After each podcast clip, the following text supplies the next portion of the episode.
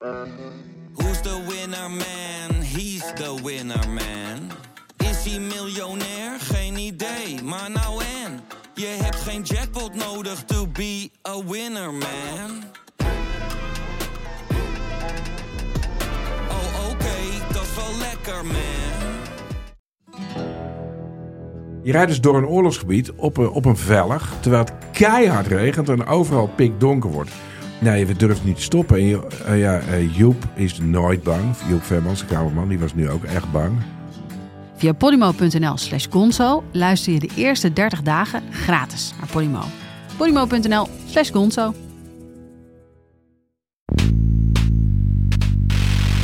Eh, overigens eh, beginnen we niet blanco, want er zijn heel veel adviezen. eh, ook adviezen waar ik zelf eh, de leiding heb, in heb gehad, eh, die ons op weg kunnen helpen.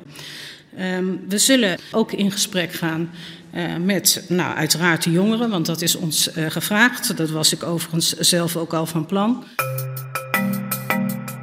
Dit is Betrouwbare Bronnen met Jaap Jansen.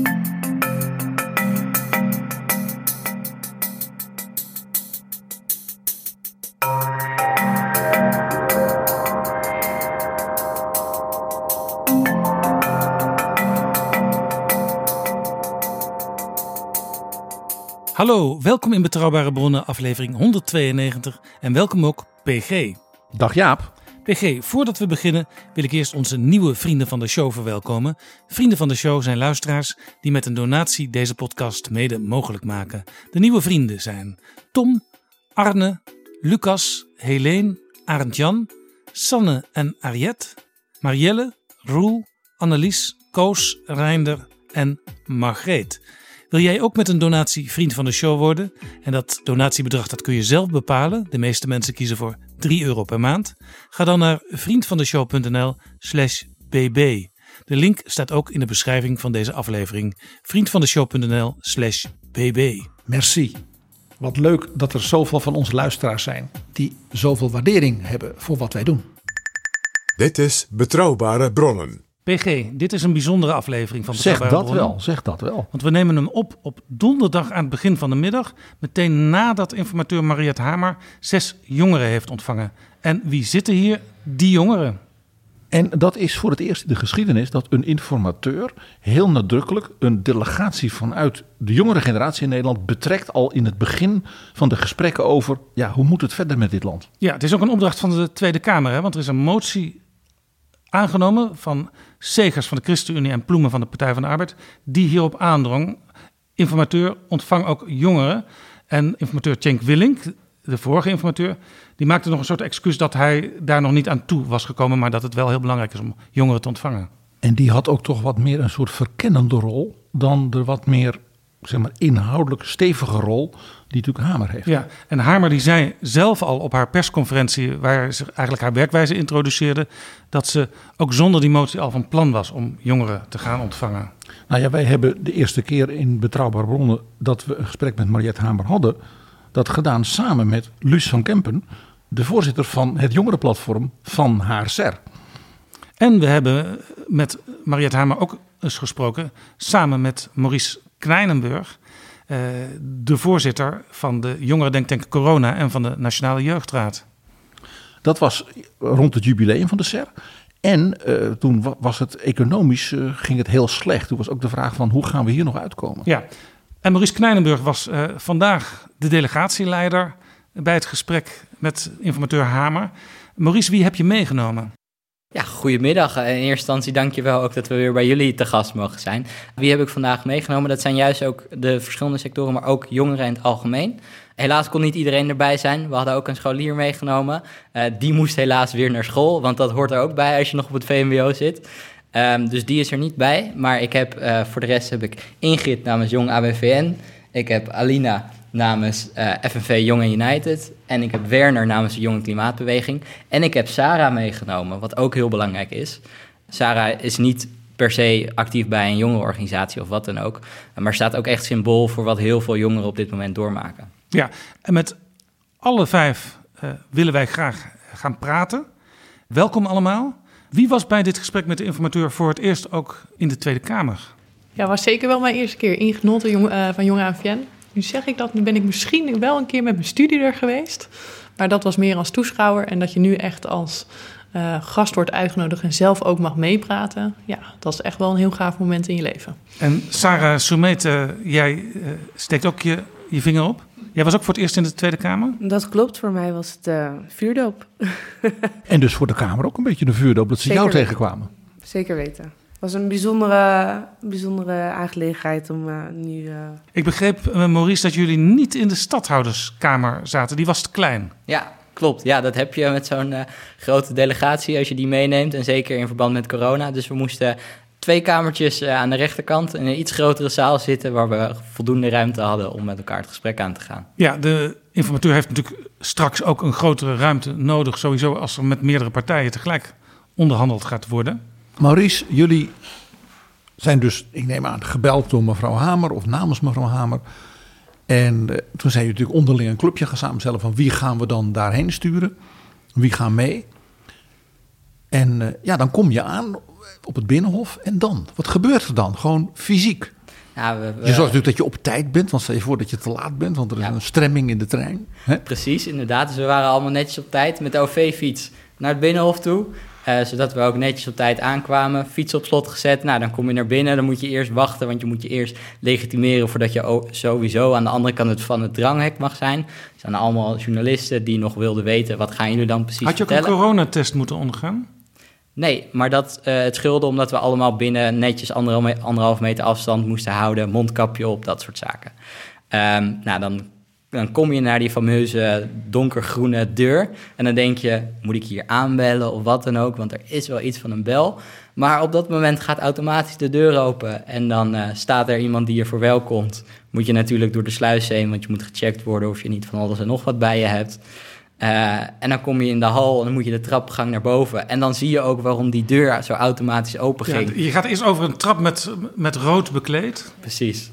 Ja, dus je gaat met de trap naar boven en dan kijk je zo naar beneden en dan zie je de cameraplek waar ze ook vandaan kunnen zien van oh, er komen mensen aan die daadwerkelijk naar binnen mogen komen. Uh, en dan gaat de deur open. Dus dan kom je bovenaan.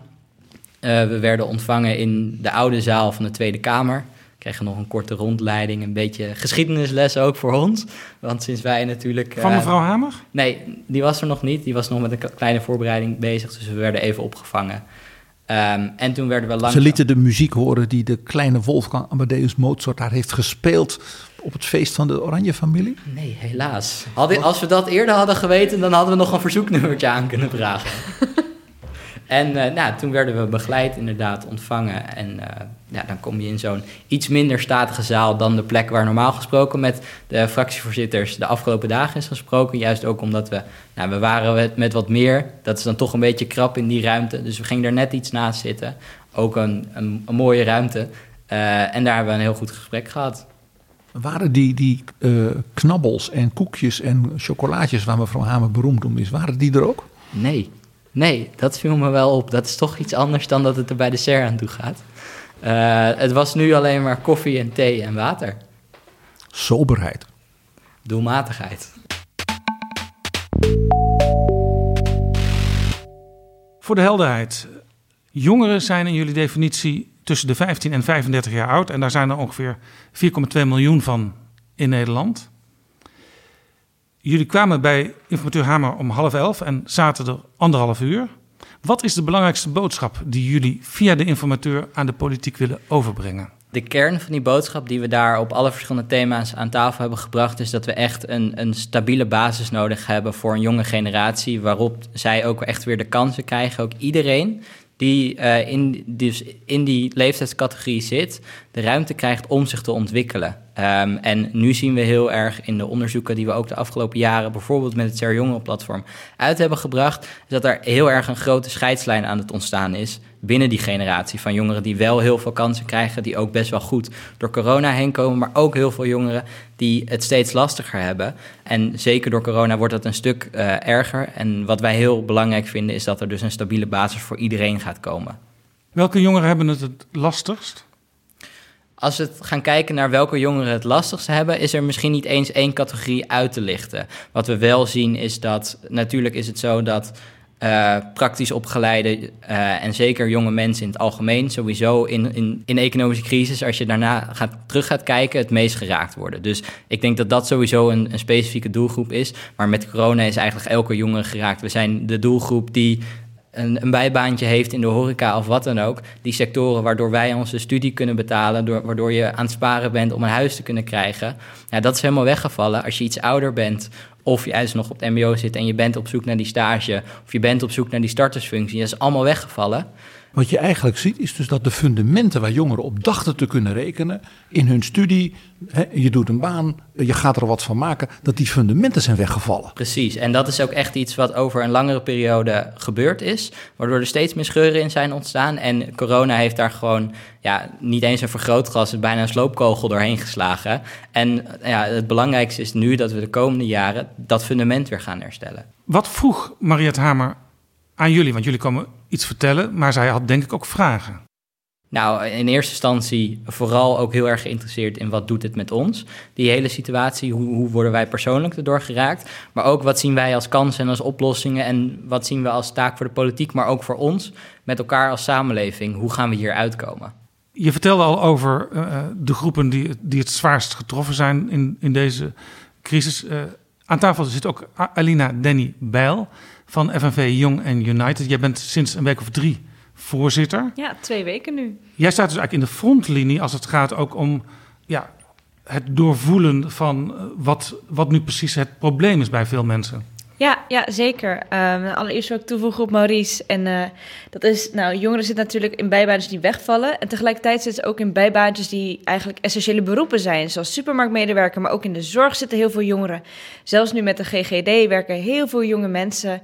En, en dat zijn ook jonge mensen die, als ze onder de 21 zijn, soms nog niet eens 5 euro per uur betaald krijgen. Nou, dat, dat is eigenlijk compleet bizar. En daar, daar leunen we als, als samenleving op. Um, maar wat we ook hebben gezien in het begin van de coronacrisis, is dat inderdaad die banen die wegvielen. We hebben toen samen met de Landelijke Studentenvakbond hebben wij een meldpunt opgezet. En er kwamen duizenden berichten binnen van jongeren die, die opeens zonder inkomen zaten. En die zaten vaak in een flexbaantje of een nul-urencontract. Um, en pas, dat was in, in, in april hebben we dat opgezet en kregen we die reacties. En pas in juni hebben we met heel veel gesprekken met, met, met de politiek kwamen zover dat we een TOVA-regeling uh, hebben kunnen, kunnen vaststellen. Waarbij al die, al die jongeren eindelijk wat, wat lucht kregen om, om zeg maar weer te kunnen leven. Omdat dat gewoon niet aan het begin geregeld was. Ja, als ik het samenvat, dan heb je dus eigenlijk in de coronacrisis twee soorten jongeren, in ieder geval twee. De ene soort zijn mensen die hun baantje kwijtraakten, omdat bijvoorbeeld in de horeca de boel dicht ging. De andere zijn jongeren die juist uh, heel hard uh, konden werken, bijvoorbeeld bij de supermarkt of in de zorg. Maar die dan weer, maar dat was een probleem wat al langer bestond, uh, te weinig betaald krijgen. Ja, ja, en dat, en dat blijft. En dat, dat is interessant aan Nederland. Wij zijn een van de enige landen in Europa, volgens mij, die, die zo'n minimum jeugdloon bijvoorbeeld hanteren. Waar, waar, waar je als 18-jarig dezelfde kosten maakt als, als eigenlijk je, je collega van 21, maar toch de helft betaald krijgt. Ja, nou zit in jullie groepje dat bij Hamer op bezoek is geweest ook eh, Ingrid Nolte van de Algemene Werkgeversvereniging Nederland. Kun je even vertellen, Ingrid, wat dat voor een club is? Wat doen die? Ja, van, van Jonge AVN. Ja. Wij zijn eigenlijk de belangenbehartigingen van de jonge werkgevers. En uh, Jong AVN richt zich ook echt op de HR-professionals binnen de bedrijf. Ja, want de AWVN, waar jullie dan de jongere tak van zijn, dat is eigenlijk de club van mensen die ook de CAO-onderhandelingen doet ja. aan de werkgeverskant, hè? Ja, de CAO-onderhandelingen, maar ook advies geven aan bedrijven hoe ze met bepaalde aspecten om kunnen gaan. En um, de jongerenvereniging die zorgt dus ook dat nou, de jonge mensen die daarmee bezig zijn, dat zijn vaak de HR-specialisten, dat die, dat die bij elkaar gebracht wordt en dat die eigenlijk meer zien dan alleen hun eigen organisatie. Dus hoe gaat het in andere organisaties? Welke mogelijkheden heb je vanuit arbeidsvoorwaarden en beleid? Nou, wat komt er vanuit de wetgeving over? En wij nou ja, houden dus evenementen om ze op de hoogte te stellen. Wat speelt er allemaal? Waar kan je mee aan de slag? We hebben nu thema's uh, gelijke kansen, staat bij ons op de, op de agenda. Toekomst van arbeid, uh, wendbare arbeidsvoorwaarden. Dat zijn eigenlijk de drie thema's waar wij dit jaar mee aan de slag gaan. En um, daarnaast hebben we ook een rol in het CR Jongerenplatform... om daar dus de stem van jonge werkgevers ja, te laten horen. Als je nou uh, Alina Denny van FNV Jongen United hoort... Uiteraard hebben jullie soms niet dezelfde belangen precies. Maar wat zij zegt, bijvoorbeeld over het minimumloon, dat speelt ook een heel belangrijke rol in de verkiezingscampagne programma's van heel veel partijen. Zit daar wat in, in wat uh, FNV Jongen en United over zegt? Dus we hebben vandaag ook wel gemerkt dat we soms heel ver uit elkaar zijn, maar ook best wel vaak dicht bij elkaar komen. Dus dat was heel leuk, ook zeker in het gesprek eh, met Mariette Hamer. En over het minimumloon, daar is AWVN natuurlijk ook volop mee bezig. Hè, want die ziet ook dat het allemaal in alle campagnes naar voren komt. Wat daar wel in belangrijk uh, wat ze aangeven is... kijk uit dat de werkgeverskosten niet te hoog worden. Want op het moment dat de werkgeverskosten te hoog worden... dan gaat dat ook weer betekenen dat er minder banen op de markt komen. Ja, en die combinatie moet eigenlijk samengepakt worden. Dus als je het minimumloon wil uh, verhogen, dan moet er aan de andere kant voor de werkgever zorgen dat die lasten niet te hoog worden. Maar je moet ook aan denken dat je in, nu in de horeca dat iemand in de bediening werkt, straks niet meer moet verdienen dan iemand een teamleider is. Dus je moet wel zorgen dat die balans ook wel blijft bestaan. En daardoor is alleen het standpunt verhoogd minimumloon, daar vallen nog heel veel aspecten achter die dan nog even aan een aantal knoppen gedraaid moeten worden. Ja, maar, maar dat regeerakkoord wordt toch weer heel dik als ik dat zo Ja, hoor. dat is niet in één zin te schrijven. Nog even toegevoegd op dat minimumloon. We hebben het natuurlijk over een basis ook voor jongeren. En ik denk dat, dat, dat daar we enorm over eens zijn. Dat de basis goed moet zijn. En dat, dat je ook een leefbare basis moet hebben. Uh, nu ook vooral voor jongeren. Omdat er, daar heel veel afbraak uh, aan is gedaan de laatste jaren. Maar het minimumloon, ik ben een keer op een bijeenkomst in Nieuwsport geweest van Young and United. Dat is toch al wel verbeterd een aantal jaren geleden? Ja, ja een paar jaar terug. Uh, uh, we voeren constant campagnes als Young United. En een paar jaar terug was dat inderdaad uh, tegen het minimumjeugdloon. en daar hebben we het eigenlijk van 23 naar 21 gekregen. Dus ik ben nu 21. dus sinds een paar maandjes mag ik dat ook verdienen. um, of mi minimaal verdienen. En ja, ja, dat was een hele succesvolle campagne. En nu hebben we eigenlijk een andere campagne. En dat is tegen het leenstelsel. Ja. Ben jij overigens als uh, voorzitter van Young United ook in dienst bij FNV? Um, ehm, ja, ja, ja, als voorzitter wel, ja. Want in het verleden zijn er ook wel eens uh, moeilijke momenten geweest... tussen de werknemers van de FNV en de FNV als werkgever zelf. Ja, binnen de FNV hebben we natuurlijk de kaderorganisatie waar ik voornamelijk deel van ben. En je hebt natuurlijk de werkorganisatie. En bij ons, uh, bij, bij de jongeren, merken we dat, dat, dat het een hele soepele uh, relatie is. Um, en dat we daar ook heel goed samen kunnen werken. En, en dat vind ik heel fijn. En het is, het is ook heel mooi. Um, omdat dat we gewoon allemaal. Ja, je kan er ook heel veel mee. En dat, dat helpt mij ook uh, in mijn werk als, als vertegenwoordiger dat je ook een organisatie achter je hebt die, die, die je support uh, en die je helpt waar het nodig is. Maurice? Nou, en ik denk ook dat dat heel belangrijk is voor bijvoorbeeld FNV, dat ze zo'n goede band hebben met FNV Jong en United. Omdat uh, vakbonden, net als voor de werkgevers, is het heel belangrijk dat je daar steeds vernieuwing krijgt. Dat je jonge mensen daar ook bij blijft betrekken. In een land waar steeds minder mensen lid worden van iets. Dat je juist ook die vertegenwoordigings uh, organen, ook voor mensen die niet, niet lid zijn, wel op kracht houdt. En FNV Young United voor FNV is daar ook een heel belangrijk wapen in. Ja, iets wat ook speelt uh, in de kabinetsformatie, want het speelde al de afgelopen jaren en ook in de verkiezingsprogramma's, is de scheefgegroeide verhouding tussen uh, mensen met een vaste baan en mensen met flexwerk. Daarover is een dik rapport verschenen van Hans Borstlap, een commissie. En uh, Borstlap is ook twee keer te gast geweest in Betrouwbare Bronnen. Iedereen was positief over zijn bevindingen in het algemeen. Meer vastwerk, minder flex. Maar iedereen wacht ook nog tot op de dag van vandaag op de uitvoering. Nu zijn jullie van de FNV-jongeren en de werkgeversjongeren. Kunnen jullie ons vertellen hoe het staat met de uitvoering van de aanbevelingen van het rapport Boslab? Wij kunnen niet kijken waar de fractievoorzitters er nu mee bezig zijn. Wat ik wel kan vertellen is dat we net bij Mariette vanuit ons hebben laten horen en dan hebben we het ook wel specifiek gekeken dan wel weer op de jongeren. Um, de jongeren hadden voor de coronacrisis al moeite omdat ze veel flexbanen um, hebben. Door de coronacrisis is eigenlijk een vergrootglas opgelegd en is echt wel zichtbaar geworden dat jongeren kwets, kwets, kwetsbaar zijn. En wat wij hebben meegegeven aan Mariette is of je nou flexkracht bent, of je ZZP'er bent, of dat je in vaste dienst bent, er moet een vangnet voor je zijn. En dan kan een jongere zelf kiezen in welke baan je terechtkomt. We hebben ook gewoon jongeren die graag ZZP'er willen worden. Uh, we hebben jongeren die misschien voor flexbanen kiezen, zodat ze wat meer vrijheid hebben en af en toe nog de wereld over kunnen vliegen. En we hebben jongeren die op zoek zijn naar vastigheid. Nou, als je die smaken in ieder geval hebt, maar wel met een goede achtervang. En een goede achtervang kan bijvoorbeeld betekenen dat als jij op het moment dat je in de horeca zit en het gaat daar wat minder, dat je jezelf weer kan doorontwikkelen en dat er een vangnet is waar je gebruik kan maken om te zorgen dat je in een andere sector wel weer aan het werk Ja, het probleem is natuurlijk op dit moment vaak dat mensen niet eh, vrijwillig ZZP'er zijn. Maar ja, het is de enige manier vaak om nog aan een inkomen te komen. Ja, en ik denk als je daarover uh, ook in gesprek gaat en verder over gaat nadenken, is het heel belangrijk om te kijken wat is nou een vaste baan en wat is nou een flexbaan. Ik, uh, ik we hebben heel veel akkoorden daar natuurlijk over gesloten jaren geleden. Um, maar dat sluit niet helemaal aan. Wat wij bijvoorbeeld heel erg merken bij ons is bijvoorbeeld uh, flexwerkers, bijvoorbeeld bij Deliveroo, waarbij het eigenlijk een soort van schijnconstructie is van ZZP'ers. Um, terwijl dat gewoon wel je werknemers zijn die, die betaald moeten worden en ook zeg maar bijvoorbeeld een pensioen moeten kunnen opbouwen. Um, en, en die zekerheid hebben, stel die baan valt weg. En ik denk dat we daar heel goed naar moeten gaan kijken hoe verdelen we dit nou? En, en hoe verdelen we nou wat nou vastwerk en wat is nou flexwerk en wat is nou een ZZP'er? Um, omdat dat nu niet meer werkt. PG? Ja, het is heel interessant wat, uh, wat uh, Ingrid net zei.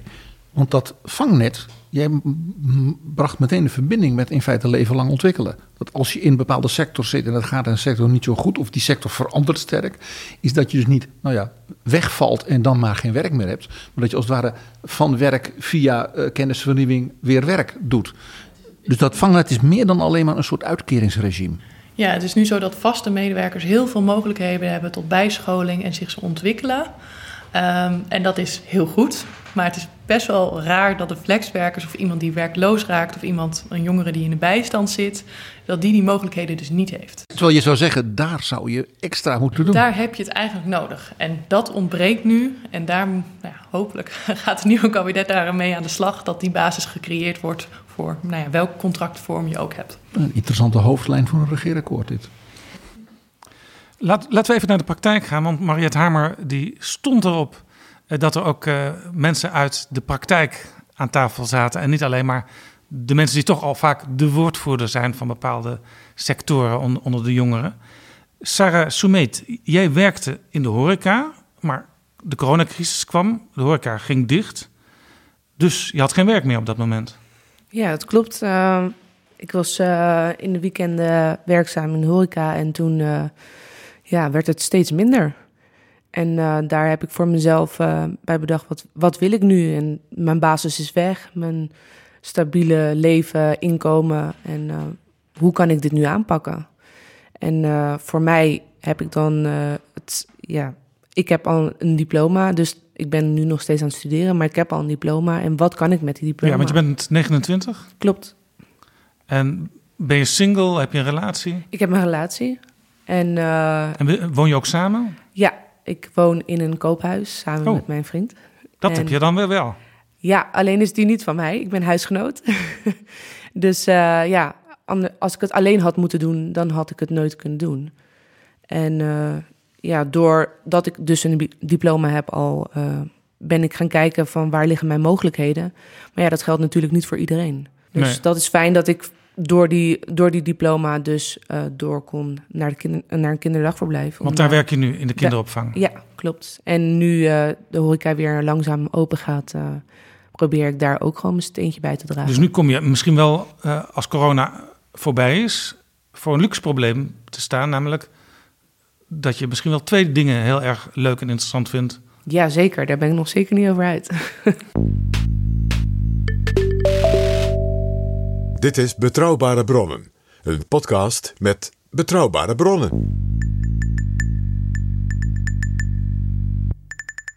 Aan tafel ook Werner Schouten, voorzitter van de Jonge Klimaatbeweging. Nummer 1 in de Duurzame 100 van Trouw afgelopen jaar. We hadden het over opleiding, werken, wonen. En jij ging mee naar informateur Mariette Hamer om een ander belang ja. te benadrukken. Maar ook wel een groot belang, denk ik. Ja, het klimaatbelang. Kijk, we, eigenlijk is het niet eens zo'n vreemde eten in de bijt, want we hebben het continu over zekerheid. En het gaat ook over zekerheid in de toekomst. En wat we eigenlijk zien is dat er door voor, voorheen kabinetten eigenlijk uh, veel is beloofd aan jongeren op het gebied van klimaat. Maar weinig is geleverd. We lopen continu achter op onze uh, klimaatdoelen. En zelfs als er een gerechtelijk vonnis ligt, uh, lukt het ons niet om die te halen. Het agendavonnis? Het agendavonnis, inderdaad. Dus daarom is het essentieel dat wij pleiten voor duurzaam politiek leiderschap. En wij, wat wij daarin willen zien eigenlijk, is dat we allereerst een ambitieus doel stellen. Hè? Want we hebben gewoon het Parijse Klimaatakkoord uh, getekend om maximaal 2 graden opwarming uh, ja, tot maximum te maken en liefst anderhalve graad. Nou, onze doelen zijn daar nog niet voldoende voor. Dus wij zeggen, maak dat nou 65% uitstootreductie in 2030. Duitsland die heeft dat na een, een, een vonnis van hun constitutioneel hof ook gezegd van hé, hey, klimaatneutraliteit in 2045, wie schaffen dat? Nou, laten we. Ik hoop dat de heer Rutte dat ook straks uh, tijdens de formatieperiode zegt. Nou, Rutte die zegt: Ik heb al heel erg mijn best gedaan. Uh, want Nederland had eerst als doel 49% klimaatreductie in 2030. Om uiteindelijk naar de volledige klimaatreductie in 2050 te gaan. En uh, Rutte heeft ervoor gelobbyd in Europa om dat naar 55% te brengen. Dat heeft Europa ook overgenomen afgelopen april. Het interessante was, uh, het Europees Parlement die wilde nog wat meer, die wilde 60%, maar die zijn nu ook blij met 55%. En dat, daarom vind ik het wel opmerkelijk uh, dat jij nog steeds vasthoudt aan die uh, 65% namens de klimaatjongeren. Frans Timmermans, die toch precies weet hoe het zit, die zegt: nee, die 55% in 2030, dat is genoeg om uiteindelijk in 2050 het doel te halen. Dus we schaffen het ook al met 55%. Uh, tot op zekere hoogte eens, inderdaad. Op Europees niveau moet je inderdaad naar 55%. Maar wij als Nederland hebben natuurlijk wel echt een hele grote brok in die uitstoot. Wij moeten eigenlijk meer doen, omdat wij gewoon meer vervuilende industrie zeker, hebben. Ja, zeker binnen Europa zijn we echt een van de vuilste jongetjes van de klas.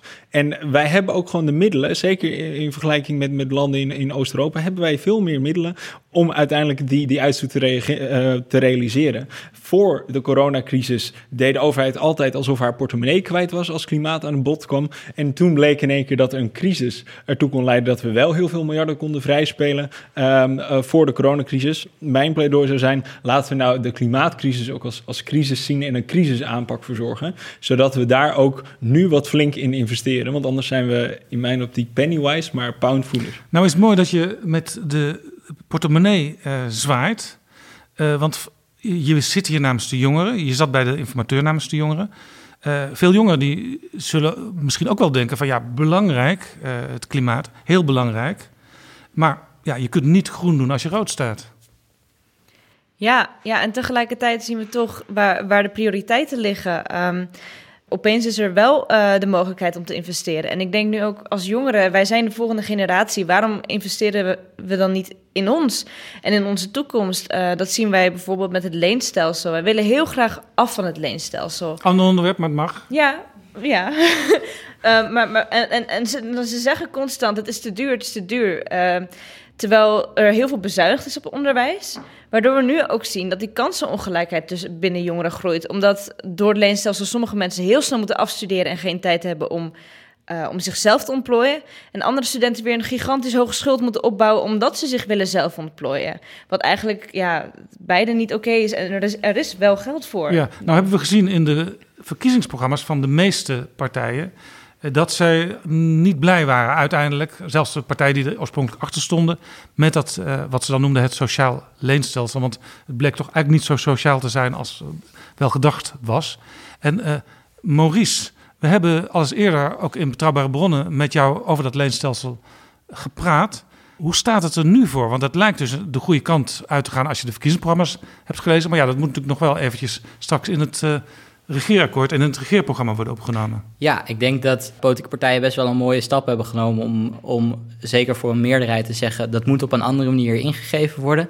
Al die politieke partijen hebben natuurlijk wel nog steeds best wel fundamenteel verschillende denkrichtingen als het gaat over hoe gaan we dat dan doen. Dus ik denk dat uh, als we dat straks echt op de formatietafel gaan behandelen, dat, ze, dat het ook heel belangrijk is dat we met het perspectief van jongeren dat erbij gaan betrekken van wat is volgens nou ons nou echt de basisbehoefte en hoe zien wij dat voor ons, zodat politieke partijen op basis daarvan met ons, samen met die, die, die uh, ja, eigenlijk iedereen die geraakt wordt door dat onderwijs, uh, dat we daar een heel goed en werkend stelsel uh, van gaan maken, zodat ook echt iedereen erop vooruit gaat. Dus dat betekent niet dat we gaan bezuinigen op de kwaliteit van het onderwijs, maar juist dat we dat nog beter gaan maken dan dat het al is in Nederland. En ook een stuk toegankelijker gaan maken voor iedereen, zodat die ontplooiingskansen voor iedereen ook daadwerkelijk weer een uh, mogelijkheid worden. In plaats van dat het alleen op papier een mogelijkheid is. Nou hebben we Mark Rutte horen zeggen dat hij heel trots is op wat hij de voorbije tien jaar heeft bereikt.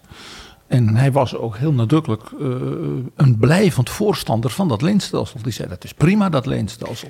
Dus in dat opzicht eh, moeten jullie nog, denk ik, een tandje bijzetten. Nou, ik denk dat we daar zeker nog een keer een goed gesprek eh, met meneer Rutte over kunnen hebben. En ik, en ik snap ook ergens waar dat vandaan komt als je gaat kijken naar de beleidsdoorlichtingen. Dus vanuit OCW, dat ze goed gaan kijken van, ja, is het nou doelmatig en wat doet dit nou? Ja, en daar komt het in principe prima uit. Maar wat we tegelijkertijd in de werkelijkheid zien, als je studenten vraagt, dit is helemaal niet zo'n fijn stelsel voor ons. En de Eh, doorstroming van het MBO naar het HBO, de belangrijkste zeg maar, eh, zeg maar, talentdoorstroomfactor, die is nou juist niet goed eh, geraakt door dat leenstelsel. Daar hoor je nooit iemand over. Nou, wat ook wel interessant is nu OCW aanstipt, is, is ze brengen ook, nou, bijvoorbeeld in opdracht van OCW worden onderzoeken gedaan.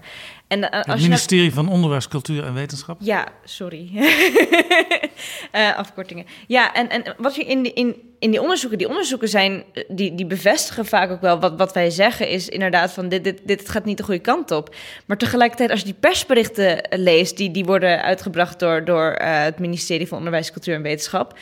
Die, die zeggen het gaat eigenlijk helemaal prima met het leenstelsel. Nou ja, wat ze vooral zeggen, dat is zo interessant. Het gaat niet slechter dan we hadden gedacht. Maar de bedoeling was dat de kwaliteit verbeterd zou worden. Dus als je zegt, het gaat, het gaat niet zo slecht als gedacht. En dat is dan een verbetering. Ik denk dat eh, iedere eh, ik zeg maar, eh, man die met zo'n verhaal thuiskomt met zijn salaris geen applaus krijgt. Nou ja, precies. En daar komt dan ook nog eens bij dat er een periode van vier jaar is geweest waar die beloofde kwaliteitsinvestering in dat onderwijs ook echt geen werkelijkheid is geworden. Dus een hele generatie. dat is dus- nog een apart punt. Precies, Ja. maar dat is echt die tussengeneratie waar we het over hebben. Die eh, en niet meer gebruik kon maken van het oude leenstelsel. En ook niet de, de op papier lusten heeft gehad van een nieuw stelsel. eh, maar wel juist alle problemen heeft ervaren. En dat is nu ook net die generatie die nu afstudeert. En dan in een coronapandemie de arbeidsmarkt op moet gaan. Nou, En dus succes. geen baan vindt en een grote studieschuld heeft. Ja, Precies. en mag ik vragen hoe lang jullie over jullie studie hebben gedaan? Ongeveer. Heel lang. Ja? Ik, heb, ik heb er zes jaar over gedaan. Zes jaar. Heel lang. Nou, als ik, als ik het nu vijf jaar doe, dan heb ik een schuld van 66.000 euro. Ehm, nou, en dan zou die van jullie schuld zou dan nog, nog hoger zijn. Ik denk 70.000, bijna 80.000 euro. Ehm, en dat, zijn de bedragen waar we het over hadden. Terwijl, terwijl in de basisbeurs hiervoor was het gemiddelde eh, eh, schuldbedrag uiteindelijk 13.000. Dus significant lager. En, en mensen beseffen dat misschien nog niet helemaal. eh, maar je betaalt deze schuld af tot je pensioen. En dat is echt, dan heb je ook kinderen. En die gaan dan al studeren. En dan betaal je je eigen, eigen opleiding eigenlijk nog af. En dan word je verwacht ook nog te betalen voor, voor de opleiding van je kinderen. En, en dat is zeg maar het probleem waar we mee zitten. Dus ja, je mag lang afbetalen. Maar dat is niet per se een goed ding als je kijkt naar hoe hoog die schuld is. Eh, maar tegelijkertijd, als er een nieuw stelsel komt, is het wel fijn als je het lang kan afbetalen. Ja, en het eh, levert ook nog een extra belemmering op voor het al dan niet krijgen van een, een hypotheek Ja. voor een eigen huis. Ja. Ja, je krijgt de optelsom van eh, dat bij elk van die maatschappelijke vraagstukken zekerheid, baan kunnen vinden, zeker in een crisistijd, wonen, eh, je eigen leven beginnen. Dat bij elk van die dingen die extra schuld als ware een soort extra belemmering eh, oplevert. Ja, nou zijn jullie lobbyisten. Hè? Jullie zaten niet voor niets aan tafel bij informateur Mariette Hamer. En lobbyisten die kijken altijd, wat zijn de politieke ontwikkelingen? Hè? Wat staat er in de verkiezingsprogramma's? Kunnen jullie eigenlijk op basis van wat jullie zelf willen en wat jullie in de verkiezingsprogramma's gezien hebben... en dan kijk je natuurlijk vooral naar partijen waarvan het misschien eh, logisch verwacht kan worden... dat ze straks aan tafel zitten als het echt om coalitievorming gaat...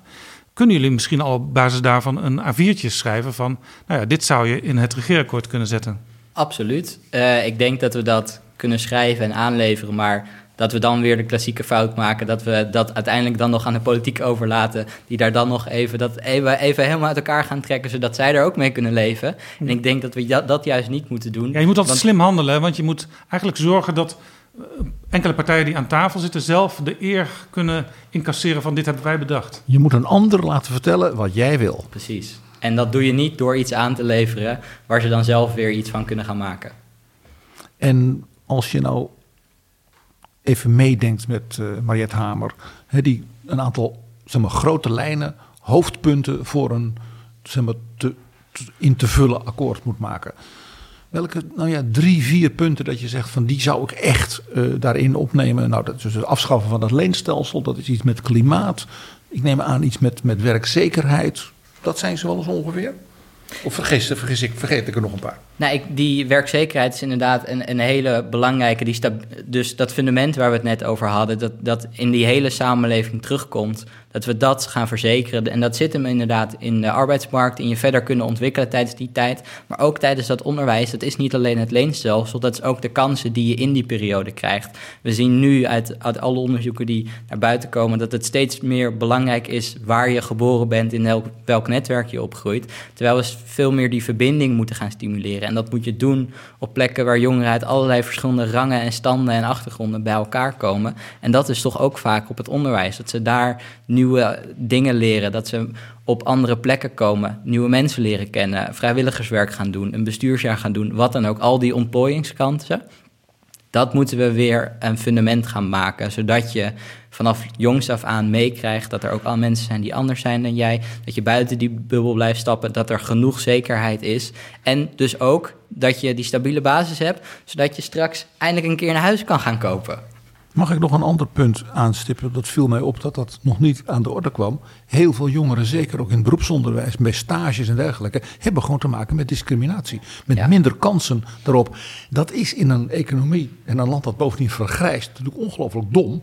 Want je moet juist die jonge mensen stimuleren dat ze allemaal goede dingen gaan doen. Is dat niet ook een onderwerp vanuit jongeren? Ja, dat absoluut. En dat is ook iets waar we continu bij die, uh, zeker nu in een crisis, waar je nu al snel op kan handelen. Er komen binnenkort weer nieuwe steunpakketten bij. Uh, het afgelopen jaar met al onze prachtige steunpakketten zijn we het eigenlijk helemaal vergeten om ook eens goed na te denken hoe kunnen we direct die lange termijn hierin uh, vastmaken. Dus dat we werkgevers gaan verplichten en ze daarnaast ook gaan helpen om ervoor te zorgen dat er voldoende ruimte is om een aantal extra stageplekken te faciliteren. Om juist we kunnen het eigenlijk niet maken dat er juist nu een gigantisch overschot is aan jongeren die een stage zoeken, maar geen stage kunnen vinden. Nou, en daarop aansluitend, er zijn dan misschien nog niet genoeg stageplekken en, en werkervaringplekken. Maar tegelijkertijd worden die stages belachelijk betaald. Heel vaak heb je gewoon MBO'ers, maar ook HBO'ers en, en zelfs WO'ers die een stage doen voor niks. En, en vaak worden die stages ook nog zo omgebouwd dat het eigenlijk bijna gratis werk is. Uh, in plaats van dat je echt een leerplek hebt. En, en, die kaders moeten duidelijk worden, maar ook die vergoeding moet eindelijk. Want dat, dat draagt weer bij bij die kansenongelijkheid. Ja, ja, ik heb op verschillende mediaadressen gewerkt. En daar kwam het best wel vaak voor dat er werd gezegd... ja, we hebben, we hebben een stagiair, dus uh, die dingen die je eigenlijk wilde... Die, daar, dan kun je nu aan die stagiair vragen, want die doet dat dan voor jou. Ja, zo hoort het niet te werken. Je, je hoort zo'n persoon te, op te leiden. Daarvoor is een stage bedoeld. Um, en, en, en tegelijkertijd, uh, ja, ik snap dat het niet een, een, volledige werknemer van je is. Maar dat betekent niet dat, zij, dat, dat, dat, dat je werk onbetaald laat.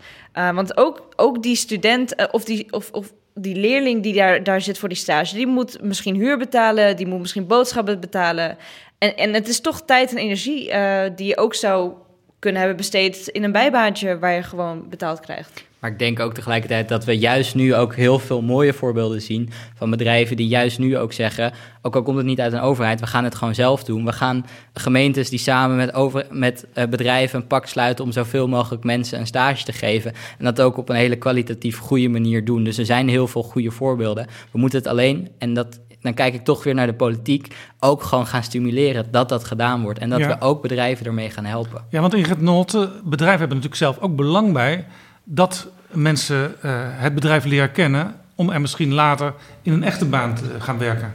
Ja, en ik denk dat nu in de coronaperiode dat nog moeilijker is geworden. Hè? Dus de bedrijven die nu eh stagiairs hebben aangenomen... of mensen in startersfunctie of in een traineeship... ehm, je hebt de praktische eh, beroepen, nou die zijn op locatie wel... maar je hebt ook heel veel mensen die nu vanuit hun thuiswerkplek... de cultuur van een bedrijf niet meekrijgen... maar ook niet kunnen afkijken of de kunst leren van een eh, andere collega. Dus je ziet ook dat door de coronacrisis... dat zowel bij stages, maar ook bij startersfuncties... daar eigenlijk een groter probleem is ontstaan. Het, het leerprocesaspect van de stage en de startersfunctie wordt als het ware geschaad door de corona-omstandigheden. Ja, en dat is... En je krijgt de cultuur niet mee. Je kan dus vanuit, je kan de kunst niet afkijken bij je collega's, maar je mist ook gewoon de so- sociale contacten op het werk. En sociale contact en sociale ontwikkeling is voor jongeren ook nog heel belangrijk. Dus jongeren staan nog in een fase waarvan je moet, jezelf moet, moet leren kennen, moet leren kennen waar je staat, waar je voor staat. En dat leer je ook door met mensen te praten en niet in je eentje thuis op een zolderkamer te zitten en als enige te praten tegen misschien je buurman of je buurvrouw. Ik sprak gisteren twee mensen die op hetzelfde kantoor werken, maar die elkaar eigenlijk nooit fysiek zien, want ze werken allebei één dag per week op dat kantoor zelf. De een op dinsdag en de ander op donderdag. En je, je leert van elkaar. Je kan zoveel van elkaar leren door alleen een gesprek met elkaar aan te gaan. ehm, nou ja, door te kijken hoe iemand anders zich gedraagt. En dat, En dat je aspect bouwt- is er nu niet. En je bouwt in dat werk dus ook netwerken op. Netwerken van kennis, maar ook netwerken van collegialiteit. Van even inspringen, Ja. even iets extra doen, even een idee lanceren. En dat wordt allemaal veel lastiger. Ja, en dan hebben we het nu over het werk, maar dat speelt ook in het onderwijs. Eh, want ook in het onderwijs, de mensen die nu thuis zitten, die missen dus ook de sociale contacten op school. Die missen de vriendjes, de vriendinnetjes waar ze van leren. En soms hebben ze thuis geen veilige basis. En was dat op school wel een veilige basis? En heb je misschien leerkrachten die ze helpen met buitenschoolse activiteiten? Dat is nu weggevallen. Dus je ziet dat het voor het mentale gezondheid van, denk voor alle jongeren, er wel een stap achteruit is gezet in de coronacrisis. En nou, die stap moeten we heel snel eh, gaan goedmaken. Ja, sommige jongeren die zijn echt, die zijn echt eh, ja, laten we het maar gewoon zeggen, diep gezonken in deze crisis, hè Maurice? Ja, klopt. Ja, we zien zeker eh, het afgelopen half jaar eh, veel meer gevallen ook bij de jeugd GGZ.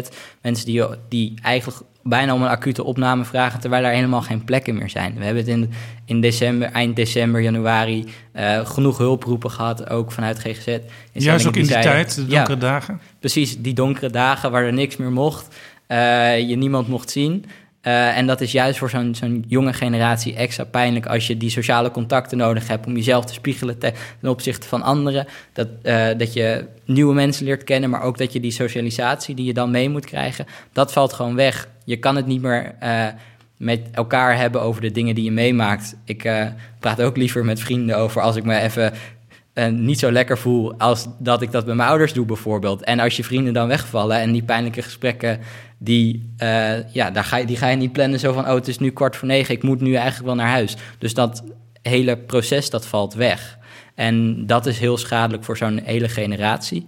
Eh, dus we moeten zo snel mogelijk ervoor gaan zorgen dat er en aan de ene kant natuurlijk die prestatiedruk een stukje weggenomen wordt, dus dat we meer zekerheid creëren. Maar aan de andere kant dat we zeker jongeren, maar ik denk dat dat straks voor ons als hele samenleving gaat gelden, veel meer handvaten en ook zeker laagdrempelige handvaten aan gaan bieden om dat gesprek, aspect van mentale gezondheid, want iedereen heeft een mentale gezondheid, we praten er alleen niet zo graag over, om dat veel bespreekbaarder en toegankelijk te maken. Dus dat ook die hulp eh, laagdrempelig en in, in de buurt is. En dat je daar niet, zoals gen- genoeg jongeren die ik helaas wekelijks, maandelijks spreek, eh, een jaar of twee op een behandeling moet wachten. Ja.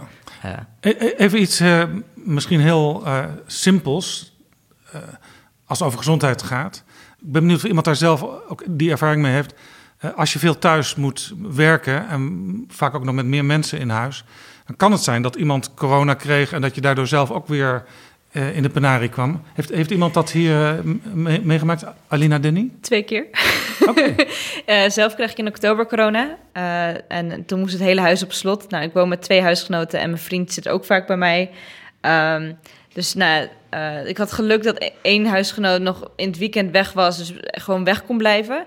Maar dat was, dat was echt vreselijk. En, en eh, dat was ook, ik, ik heb gelukkig mijn huisgenoot niet besmet. Wat echt een wonder boven wonder is.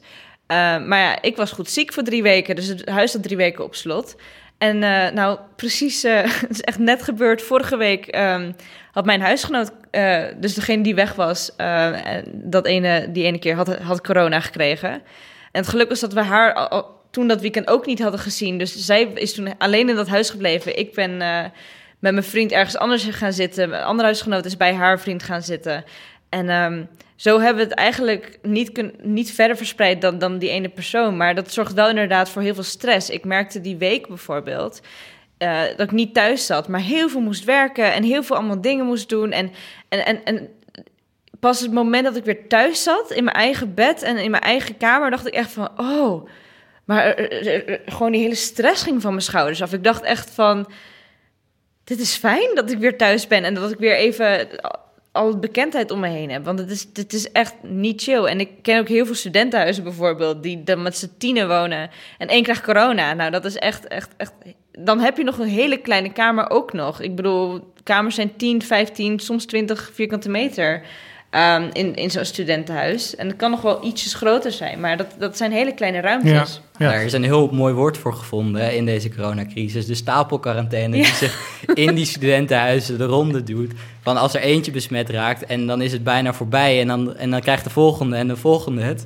Huizen die soms wekenlang helaas met z'n allen dicht moesten blijven. Als er in een studentenhuis 10, 12 mensen wonen. Dat wens je niemand toe. Sa Sarah, uh, ik kan me voorstellen dat jij ook nog wel zelf uh, misschien wel extra angst hebt gehad voor corona. Want je werkte in de horeca. Nou, daar is de, de, de, corona, de coronavirus in Nederland waarschijnlijk uitgebroken tijdens carnaval.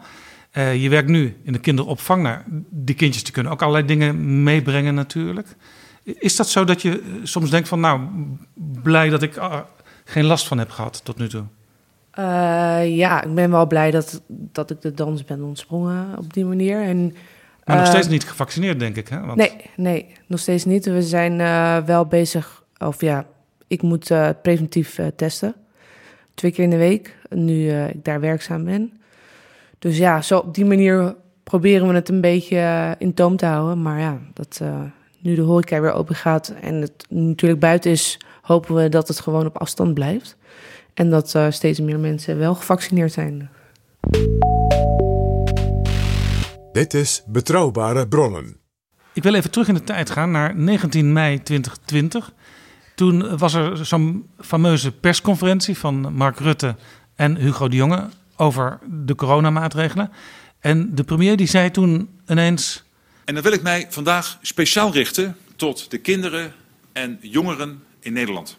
Niemand weet precies hoe ons land er de komende tijd precies uit gaat zien. Hoe doe je dat? Afstand van elkaar houden en toch met elkaar werken, leren, sporten, muziek maken? Mijn collega's in het kabinet en ikzelf, wij vinden het belangrijk dat juist jullie daarover gaan meedenken. En mee gaan praten. Want het gaat uiteindelijk om jullie toekomst. Jullie ideeën en creativiteit zijn dus heel hard nodig. En daarom daag ik jullie uit. Kom met je ideeën. Lever kritiek. Liefst opbouwend natuurlijk. En toen werden vervolgens jongeren ook in het katshuis meerdere malen uitgenodigd. En ik begrijp, uh, Werner Schouten, dat jij een van die jongeren was die daar aanwezig was. Klopt, ja. Ik, uh, wij zijn meerdere malen op het katshuis geweest. Ik zelf ben in september geweest. Um, een typerende oproep van, van de premier natuurlijk. Hè. We, we, stiekem waren we al lang georganiseerd als coalitie zijn en jongerenorganisaties en klopten al regelmatig aan de deur. Maar uh, ja, soms zijn er verschillende wegen die naar Rome leiden. Nou, op deze manier... Het is een beetje zoals Mariette Hamer die denkt, laat ik de jongeren eens uitnodigen. Nou ja, die, die, die heeft zich al wel zeg maar, actief uh, bezig gehouden met hoe die jongeren nou een plek kunnen krijgen binnen de SER. Dus, uh, en en, en nou, dit was ook een hele interessante manier dan om zo uh, binnen te komen. Maar via Coalitie I hebben we onszelf ontzettend snel ge gemobiliseerd. Coalitie I is een, een groep van jongere organisaties die dus voor die thema's, hè, woningmarkt, arbeidsmarkt, onderwijs en klimaat, um, de, de jongerenstem ook vertegenwoordigt soms. En, en wie zat er in het katshuis? Ja, Rutte natuurlijk, maar wie ja. zaten er nog meer? Nou, toen ik uh, zat in uh, september, toen ging het ook specifiek over de woningmarkt en over klimaat. En dat was um, met geleding van LSVB en de CNV, maar ook met um, de minister Wiebes, toenmalige minister van En uh, minister Kajsa Ollongren um, op het gebied van uh, de woningmarkt natuurlijk, binnenlandse zaken. Uh, en daar hebben we toen dus een uh, goed gesprek gehad. Katshuis is een ontzettend mooie plek. De, de plek zelf is uh, een beetje, ja, waar we het overleg hadden, is een beetje ja, traditioneel, een beetje Calvinistisch opgetrokken. Maar als je in de kelder komt, dan kom je in één keer in een, nou, een, een fantastisch mooie, mooi toilet. Waar je denkt van, nou, daar, daar is heel veel overvloed in gegaan tijdens de architectuur. Dus dat was een hele interessante wisseling. Lieve luisteraars van Betrouwbare Ronde, de toiletten van het Katshuis zijn nu ook behandeld in onze podcast. Kijk, ja, ja, het moet toch een keer komen. En het eten is er ook prima, begrijp ik? Ja, de, de, de soesjes die je krijgt, die waren erg smakelijk. We kregen nog volgens mij uh, worteltjes met hummus. Dus ze zijn volledig bij de tijd om ons als millennials ook daar te ontvangen. Nou ja, we zijn niet alleen millennials, hè? Ik bedoel, ik ben ondertussen een Gen Z'er. maar nou is het zo, uh, Maurice, dit gebeurde dus allemaal, hè? Prachtig, de minister-president en zijn ministers die nodigen jongeren uit. Toch hadden jullie als uh, corona-denktank, jongere corona-denktank, uh, waarin zo'n beetje alle jongere organisaties die ertoe doen uh, verenigd zijn. In januari, ja, jullie kregen een beetje jeuk, hè, van, want we hebben, we hebben van alles verteld. maar kom nou eens met daden. Ja, klopt. we zeiden ook echt, we, vanaf september zijn we met heel veel jonge organisaties, jongeren in Nederland, zijn we onderzoek gaan doen naar wat zijn nu echt die belangrijke thema's die we, uh, waarvan wij zeggen, dit moet echt de basis vormen van het herstelbeleid. Uh, dat zeiden we in januari al, dat zijn de pijlers. Dus als het gaat over onderwijs, als het gaat over wonen, als het gaat over klimaat. Alles wat we net eigenlijk besproken ja, hebben. precies, al die thema's.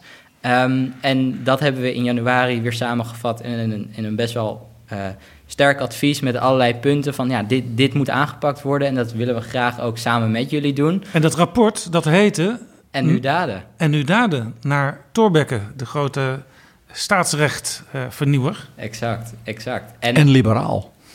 En dat is ook het, het belangrijkste van wat wij daar, uh, wat, we, wat we, de kern was van dat, uh, van dat stuk. Uh, het wordt echt een keer tijd dat we die grondige actie gaan ondernemen. Want nou, heel veel mooie woorden en een uitnodiging hier om te praten en een uitnodiging daar om te praten. Dat is allemaal fijn en daar uh, kunnen we ook gebruik van maken om in elk geval onze ideeën aan de man te brengen. En ik denk dat dat een eerste stap is.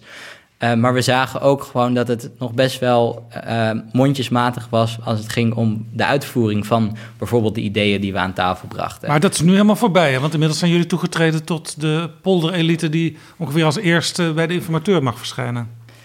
Nou, zo wil ik het niet direct noemen, maar Um, wat, wat het wel het duidelijk signaal laat, laat zien, dat we ook nu in het formatieproces, als het gaat over dat herstelbeleid in elk geval, betrokken gaan worden. En ik denk dat dat heel belangrijk is, maar ook nogmaals hier, uh, dit eerste gesprek was heel fijn om die kaders te laten stellen van wat vinden we nu eigenlijk belangrijk. Maar als het ook daadwerkelijk straks over een maandje over de inhoud gaat, dat we dan ook die inhoud induiken en die stuk en dat advies wat we uh, ook vandaag weer hebben meegenomen, om te laten zien van ja, dit kwam in januari al uit, maar het is, het is nog wel wat uh, mondjesmatig wat er tot nu toe mee gedaan is. Dat mag nu ook wel echt meegenomen worden. Dus mevrouw Hamer zou met die uh, zeg maar, haar politieke gesprekspartners, die dan in de volgende ronde echt de inhoud in moeten en dus keuzes moeten gaan maken en beslissingen moeten gaan nemen. Eigenlijk dus dat stuk van jullie van januari plus zes maanden ja. uh, extra urgentie, om het maar even zo te zeggen, uh, uh, moeten overnemen dan. Dat zou toch eigenlijk jullie inzet moeten zijn, denk ik dan. Ja, dat is altijd al de inzet geweest. Uh, maar nou, wat we gewoon zien is dat, natuurlijk, politiek duurt lang en, en dat moet ook allemaal uitgevoerd worden. Maar het is wel belangrijk dat je ook laat zien dat je met zaken bezig bent en dat we daarin meegenomen worden. Want dat was ook het belangrijkste wat we daarnaast zeiden. Je moet dit niet voor ons gaan doen, want dan weten we dat het, dat het uiteindelijk waar het weer op gaat stranden. Je moet dit eindelijk een keer nu op een nieuwe manier samen ja. met ons gaan doen. Werner? Ik vind het ook belangrijk om natuurlijk te zeggen dat het niet alleen is dat we, we, we, we hebben het natuurlijk over de uitdaging de jongeren zien. Maar wat juist ook dat, dat jongeren denkt en coronacrisisrapport laat zien, is dat jongeren niet alleen zeg maar problemen zien, maar ook ontzettend veel kansen om daar zelf wat aan te doen. En dan vervolgens de politiek om hulp te vragen om die stap verder te zetten. Op het thema van het klimaat zie je bijvoorbeeld dat heel veel jongeren staan te trappelen om dan wel als ondernemer, dan wel als consument zelf wat te doen. Om, om wat duurzamer te consumeren, om, om hele innovatieve businessmodellen op te zetten. Vragen ze wel van ja, maar geef ons dan een zetje in de rug om daar ook verder in door te gaan. En dat is juist precies zo'n thema als het gaat over klimaat. In eerste instantie uh, met dat onderzoek waren we niet eens van plan om het klimaat mee te nemen, maar we kregen uit al die reacties mee van we willen het ook nog over klimaat gaan hebben. Zodat we toen gezegd hebben, nou dan moeten we nog maar een extra hoofdstuk eraan toe gaan voegen. En juist dat onderzoek gaan doen over wat willen we dan met klimaat gaan doen als jonge generatie. En daar komt dan naar voren dat er heel veel kansen zijn, ook voor het verdienvermogen in de toekomst. Dat er heel veel groene banen voor het oprapen liggen. Ik bedoel, we hebben een prachtige tech-sector. Uh, het ging een aantal weken geleden ging het al over Leiden, maar Eindhoven, Enschede. Er zit zoveel innovatiekracht in Nederland. Dat ja, er zijn een paar uh, partijen in de Tweede Kamer, maar die, die zijn een minderheid die zeggen ja.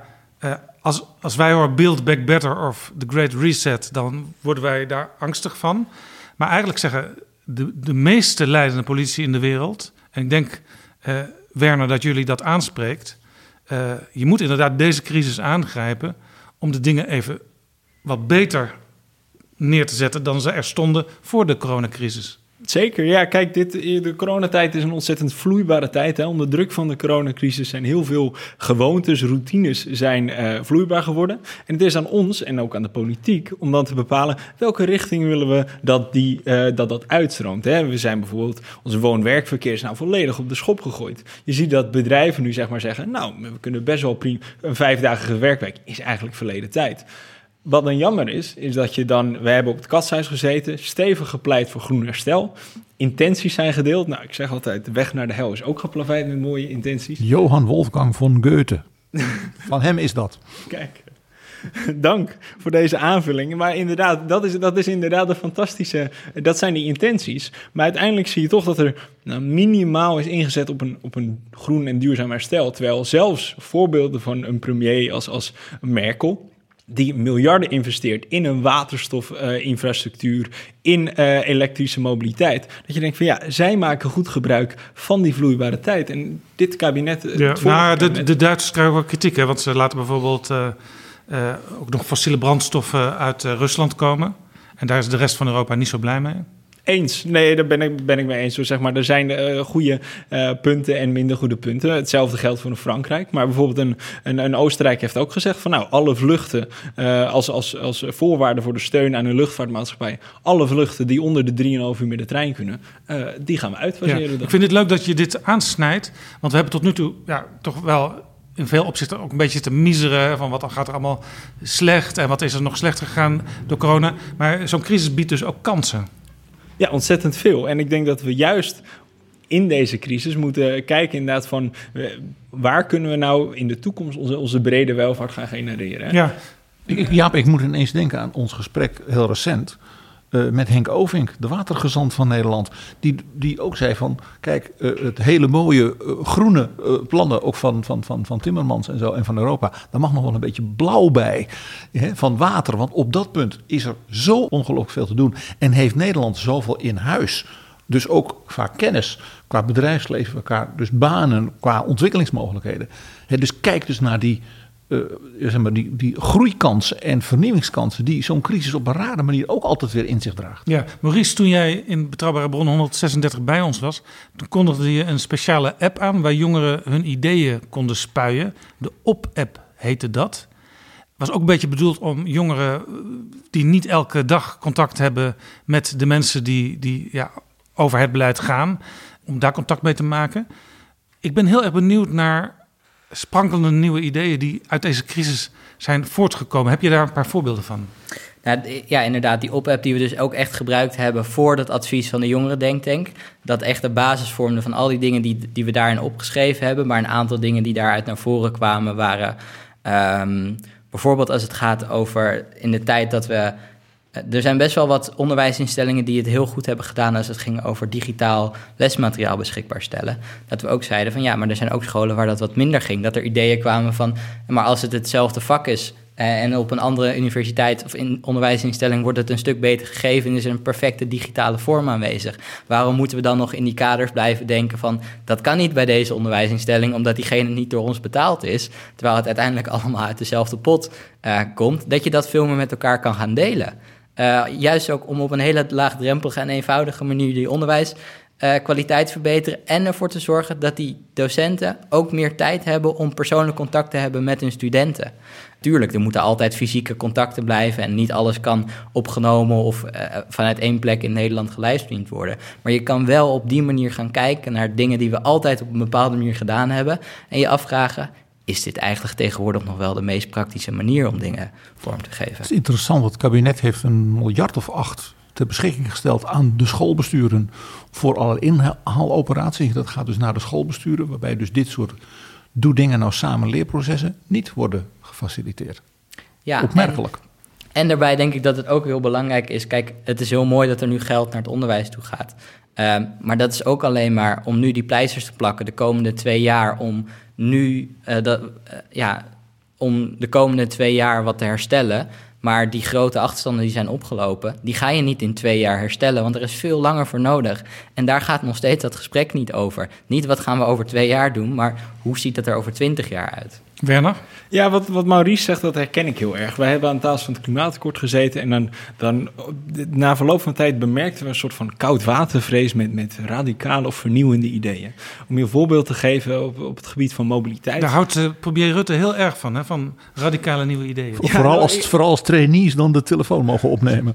nou, ik heb er nog wel eentje voor hem straks. Maar uh, vooral, nee, laat me een voorbeeld geven op het gebied van mobiliteit. Wij zaten aan het klimaatakkoord en uh, nu staat in het klimaatakkoord, nou, we moeten 2 miljoen elektrische auto's in 2030. Dat je denkt van, nou, logisch, geen uitstoot. Maar als je nou eens goed kijkt, dan, dan kost dat allereerst heel veel metalen. Er zitten allemaal zeldzame metalen in die batterijen. Nou, die hebben we eigenlijk lang niet allemaal om handen. En daarnaast is het ook gewoon ontzettend inefficiënt om allemaal in auto's te gaan rijden. Omdat openbaar voer qua ruimte veel efficiënter is. Wij zien veel meer jongeren die eigenlijk zeggen van nou, we hoeven helemaal niet per se een auto te bezitten. We willen gewoon mobiliteit. Maar of we dat met een deelauto en openbaar vervoer doen of met een eigen auto, uh, dat is wezenlijk, dat maakt ons niet zoveel uit. Terwijl een overheid nog steeds zeg maar het adagium heeft van meer asfalt, meer autokilometers. En dat is dan toch die, die koudwatervrees ons denk ik tegenhoudt in die verregaande innovatie.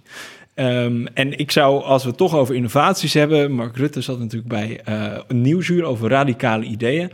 Nou, ik heb op zeker moment heb ik juichend uh, achter de tv. Voor oh, de TV dan ben jij een van de weinigen in Nederland. Ja, ja klopt. Nou, hij, hij zei iets heel, heel waardevols, namelijk dat hij grote problemen eerder met wetenschappers en experts wil oppakken. Dat ik dacht van, nou, dat is perfect wat wij willen. Wij willen een crisisaanpak voor het klimaat. En we zeggen, richt daarvoor een klimaatautoriteit op. Een, een OMT voor het klimaat. Een klimaatautoriteit. Ja, dat is een autoriteit, een soort van buitenboordmotor. Die op afstand van de politiek continu eigenlijk uh, checkt of Nederland op uh, koers ligt voor het klimaat. En zo niet, dan kunnen ze beleidssuggesties doen voor, uh, nou, suggesties voor beleidspakketten, hoe we die doelen gaan halen. Bij wijze van spreken, zoals de autoriteit financiële markten toezicht houdt op hoe het gaat op de financiële markten bij de banken bijvoorbeeld. Exact, ja. En, en voor het klimaat, hè, het is toch een, een lange termijn uh, issue. En dat is toch best wel moeilijk in, in de, de vierjaarcyclus van, van de politiek. En wat we zien in Groot-Brittannië, waar ze een Committee on Climate Change hebben, die exact deze rol vervult, werkt het uitstekend. Zij, zij hebben ontzettend hoge doelen voor 2030 en dergelijke.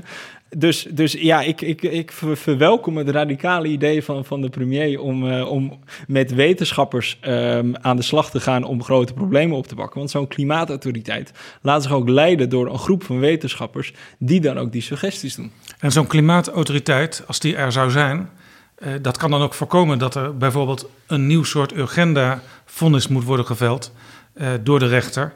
Uh, want dan wordt het veel scherper permanent in de gaten gehouden of de uitvoering van uh, de klimaataanpak op orde is. Exact, ja. Het, het, de vraag, want we hebben ons, uh, natuurlijk onze handtekening onder het Parijse Klimaatakkoord. En dan gaan we niet meer soebatten over of we nou wel wat moeten doen. Dan zijn we daarover eens en dan gaan we alleen nog maar soebatten hoe we dat gaan doen. En dat past ook natuurlijk in een dun regeerakkoord. Je wil niet in heel de grote details gaan zeggen van nou, dit voor CO2-heffingen moeten we gaan hebben. Maar zegt nou, we, stellen een klimaatautoriteit in die dus uh, ons klimaatprobleem, zeg maar, die daar als waakhond voor gaat optreden. Denk ik dat je een heel kort klimaathoofdstuk kan hebben. En, en de, onze Staten-Generaal, de Tweede en de Eerste Kamer, die zijn dan verder buiten beeld waar het gaat om het maken van klimaatbeleid. Dat doet die autoriteit. Nou, hoe dat werkt inderdaad, is dat die, die autoriteit. De uiteindelijke stem blijft natuurlijk bij de Staten-Generaal. Maar wat het natuurlijk wel zo is, is dat zij uh, zo'n autoriteit stelt emissiebudgetten voor, dus zeg maar doelen voor uitstoot.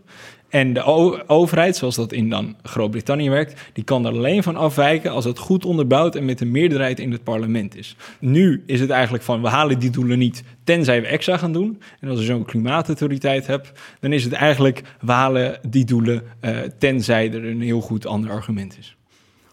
We zijn een goed uur bezig met dit gesprek. Zo heet het trouwens het uh, restaurant, Sarah, waar jij werkte in Haarlem, hè? het Goede Uur. Ja, dat klopt. Het, zo heet het nog steeds hoor. en ik wil langzamerhand uh, gaan afronden. Jullie willen heel graag betrokken blijven bij de kabinetsformatie, hebben jullie tegen Mariette Hamer gezegd. Hoe gaan jullie dat realiseren? Heeft, heeft Hamer daar ook al iets over gezegd? Nou, we hebben het inderdaad heel duidelijk laten weten. Als het uiteindelijk in Den Haag over de inhoud gaat, vinden we het heel belangrijk dat wij ook mee mogen praten als het uiteindelijk toch over onze toekomst gaat. We hebben heel veel ideeën voor. Uh, en die willen we ook graag delen, omdat het uiteindelijk, we moeten het met elkaar oplossen. En dat is ook iets wat we permanent met fractievoorzitters bespreken, uh, maar tegelijkertijd ook heel erg nadrukkelijk bij de informateur hebben neergelegd. Tuurlijk, dat is nu nog niet haar taak, want die is voor de komende drie weken best nog wel duidelijk. En we weten ook nog niet hoe het vervolgproces eruit gaat zien. Maar wat we wel aan haar hebben meegegeven, wie dat dan ook gaat zijn voor het vervolgproces, dat we het heel graag, of tenminste bijna eisen, dat wij als jonge generatie daar ook, ook fatsoenlijk in worden meegenomen. Ja, dus jullie werken eigenlijk via, via meerdere schijven. Jullie zijn in gesprek met fractievoorzitters, dus via de ene ingang. Maar jullie vinden het ook belangrijk om, zeg maar, via de officiële kant, in dit geval de informateur, ook mee te mogen praten. Ja, want dan, dan garandeer je dat je niet vergeten wordt als groep. Nou ja, garanderen doe je het nooit. Maar ik loop nu een jaar als voorzitter rond en dan dan merk je op een bepaald moment dat Den Haag zo zijn eigen manieren heeft. En dat sommige dingen heel officieel moeten en andere dingen een stukje eenvoudiger te regelen zijn. Maar dat we dus ook als jonge generatie, en wij hebben hier niet zo heel veel ervaring in, hoe dat soort dingen allemaal in Den Haag dat heb je als je jong bent. Ja, precies. Dus dat we dat ook echt aan het uitzoeken zijn en dus alles aan proberen te grijpen wat we kunnen. En eigenlijk is de boodschap heel simpel. Laat ons alsjeblieft meedenken en meedoen. Wat mij opvalt is uh, de stilte van jullie collega's bij die partijen, namelijk de jongerenorganisaties. De JOVD, de JS, de CDJA, Perspectief, hoe heten ze? Uh, moeten jullie niet eens een beetje peper in hun. Uh, maar maar PG, die zitten toch eigenlijk ook al in deze coalitie namens wie deze jongeren spreken? Maar dan zou je toch denken dat die zich dan ook laten horen, bijvoorbeeld in hun eigen club en naar hun geestverwanten.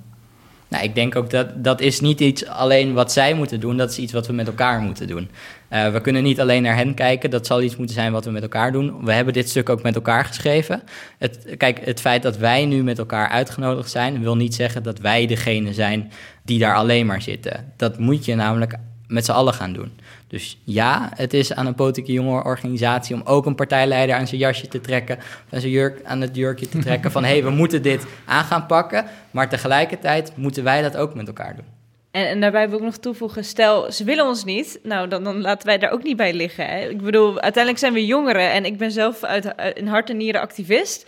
Um, maar ik denk dat het heel belangrijk is, zeg maar, als ze ons niet willen horen, dan laten wij ons wel horen. En daar, daar, daar zijn we ook voor, dat doen we al jaren. Um, en daar gaan we ook niet mee stoppen. Um, ons geluid, uh, die uh, gaat niet de doofpot in. Desnoods zetten we het tafeltje neer op het binnenhof. Voordat ze naar binnen komen, moeten ze eerst bij ons het, het fatsoenlijke gesprek aangaan. Die noteer ik. En PG en ik gaan erop letten hoe het verder gaat.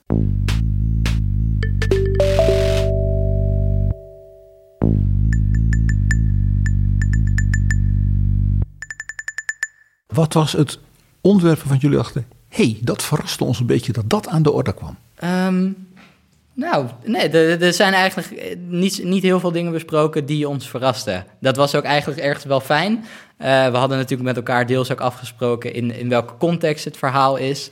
Um, nou, over dat herstelbeleid. Dus gelukkig waren er geen grote verrassingen. Ja, het was een goed georchestreerd uh, gesprek natuurlijk. Maurice is uh, gisteravond laat nog uh, wakker gebeld door, door mevrouw Hamer... Oh. om, om te bespreken wat voor onderwerpen de revue zouden passeren. Dus we zijn niet echt voor verrassingen komen te staan. Maar dan mag ik toch concluderen dat het ook een beetje een ritueel is, zo'n kabinetsformatie. Dat, stel ik ben mevrouw Hamer, of eerder Cenk Willink het land moet door een proces, zeg maar, de politiek moet door een proces, maar het land moet dat ook meemaken. Dus het land moet ook zien wie er uh, ja, belangrijk genoeg worden gevonden om op bezoek te mogen. Ja, en ik denk dat we nu best wel een periode sinds de verkiezingen door zijn gegaan van een bepaald proces waar ik nog steeds niet echt de juiste woorden voor heb gevonden. En nu een proces ingaan waar we langzaam naar de inhoud toe gaan. En daar zijn gewoon een, belang, een aantal belangrijke fundamentele stappen voor nodig. Die mevrouw Hamer in de eerste drie weken aan het zetten is. Om echt te laten zien, ook aan de Kamer straks in het eindverslag. Wat volgens de politiek en een deel van die, en die samenleving de grote uitdagingen zijn. En hoe die opgelost moeten worden. En het interessante is, Jaap, we maken dus inderdaad iets heel bijzonders mee.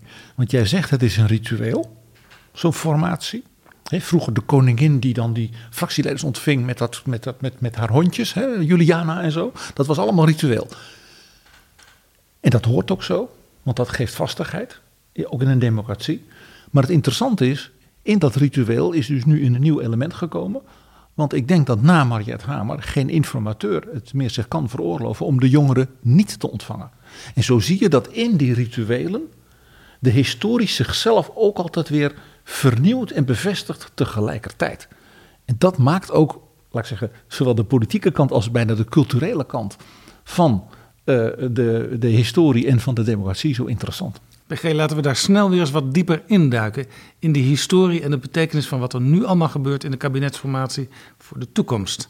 Mag ik jullie hartelijk danken voor de komst naar betrouwbare bronnen. Maurice, Sarah, Alina Denny, Werner en Ingrid.